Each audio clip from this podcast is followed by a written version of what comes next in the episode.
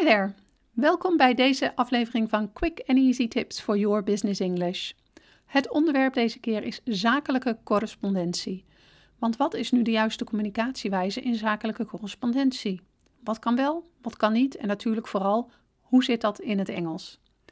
Mijn naam is Anneke Penella Drijver van Improve Your Business English en de auteur van het boek Master Your Business English: Communicate with Power in 7 Simple Steps.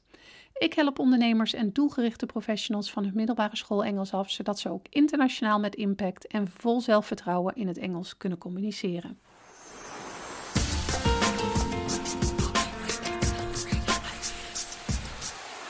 Ik wil vandaag vijf do's en don'ts met je bespreken voor jouw zakelijke correspondentie. In het Engels natuurlijk. Voor je het weet heb je namelijk Engelstalige contacten of misschien heb je die nu al. Denk maar eens aan een buitenlandse leverancier, software-experts die enkel Engels spreken, internationale conferenties of natuurlijk gewoon Engels sprekende klanten of collega's. Het aftasten van wat wel en niet geschikt is in de zakelijke correspondentie kan soms lang duren en daarom wil ik je vast op weg helpen met deze do's en don'ts. Nummer 1. Gebruik gewone mensentaal.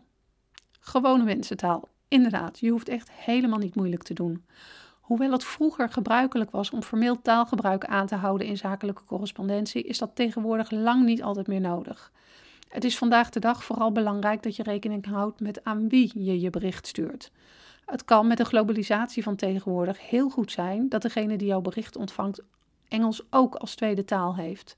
En juist in dat geval is het belangrijk om normale woorden te gebruiken in plaats van ingewikkelde, dure alternatieven. Schrijf bijvoorbeeld gewoon help in plaats van assist of about in plaats van concerning. Zit je misschien te vastgeroest in je eigen moeilijke taalgebruik?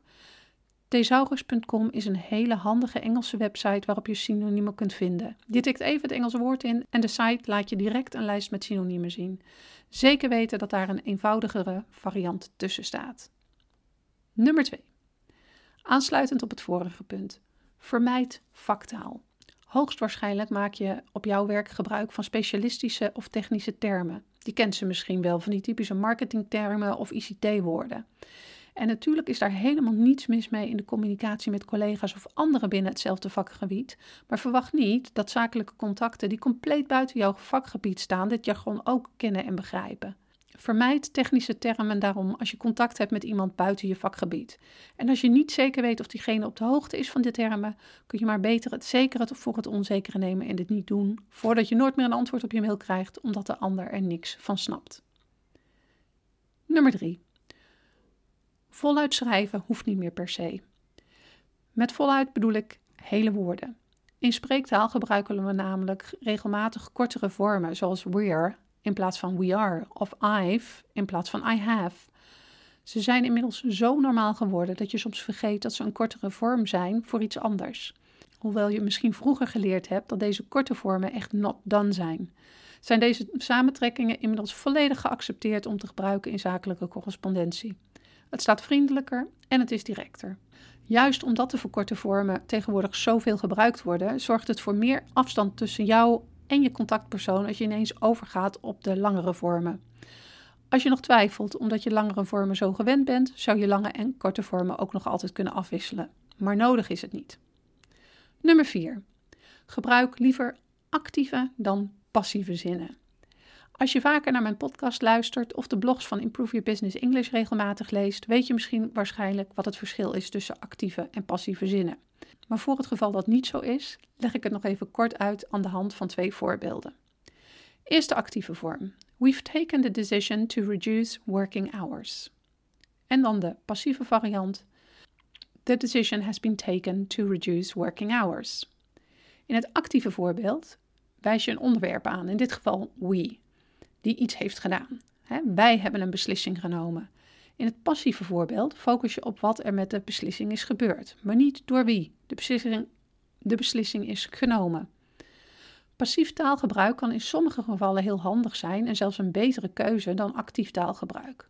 Maar in het geval van zakelijke correspondentie zou ik het afraden. Het nadeel van passief taalgebruik is dat het onpersoonlijk klinkt, terwijl het persoonlijk zou moeten zijn.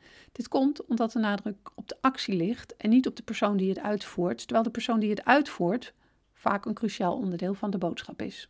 Bij het actieve voorbeeld neemt we verantwoordelijkheid voor de beslissing en bij het passieve voorbeeld wordt het nemen van de verantwoordelijkheid vermeden.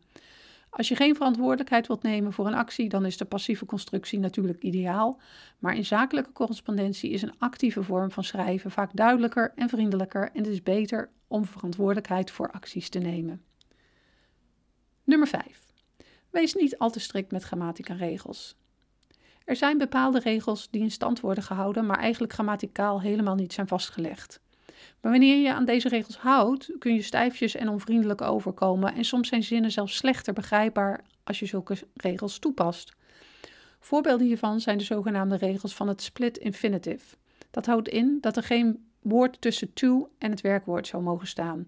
De regel dat je in een zin nooit met een voorzetsel kunt eindigen en de regel dat je in een zin niet met and of but mag beginnen. Maar om kromme, onnatuurlijke zinnen te voorkomen, kun je dus deze regels dus maar beter vermijden. Als je in jouw zakelijke correspondentie een van deze regels herkent en je er krampachtig aan vastklampt, let it go. Dit waren vijf do's en don'ts voor zakelijke correspondentie. Dus gebruik gewone mensentaal. Vermijd vaktaal. Voluit schrijven is niet verplicht. Gebruik actieve zinnen in plaats van passieve zinnen. En wees vooral niet te strikt met de grammatica-regels. Waar het eigenlijk op neerkomt, doe gewoon niet al te moeilijk met zakelijke correspondentie. Oh ja, en vergeet niet om na het schrijven van je e-mail deze goed door te lezen, het liefst hardop. En vergeet niet om je spellingcheck aan te zetten. Ik wens je veel succes met je volgende e-mail. En I'd love to see you next time with quick and easy tips for your business English.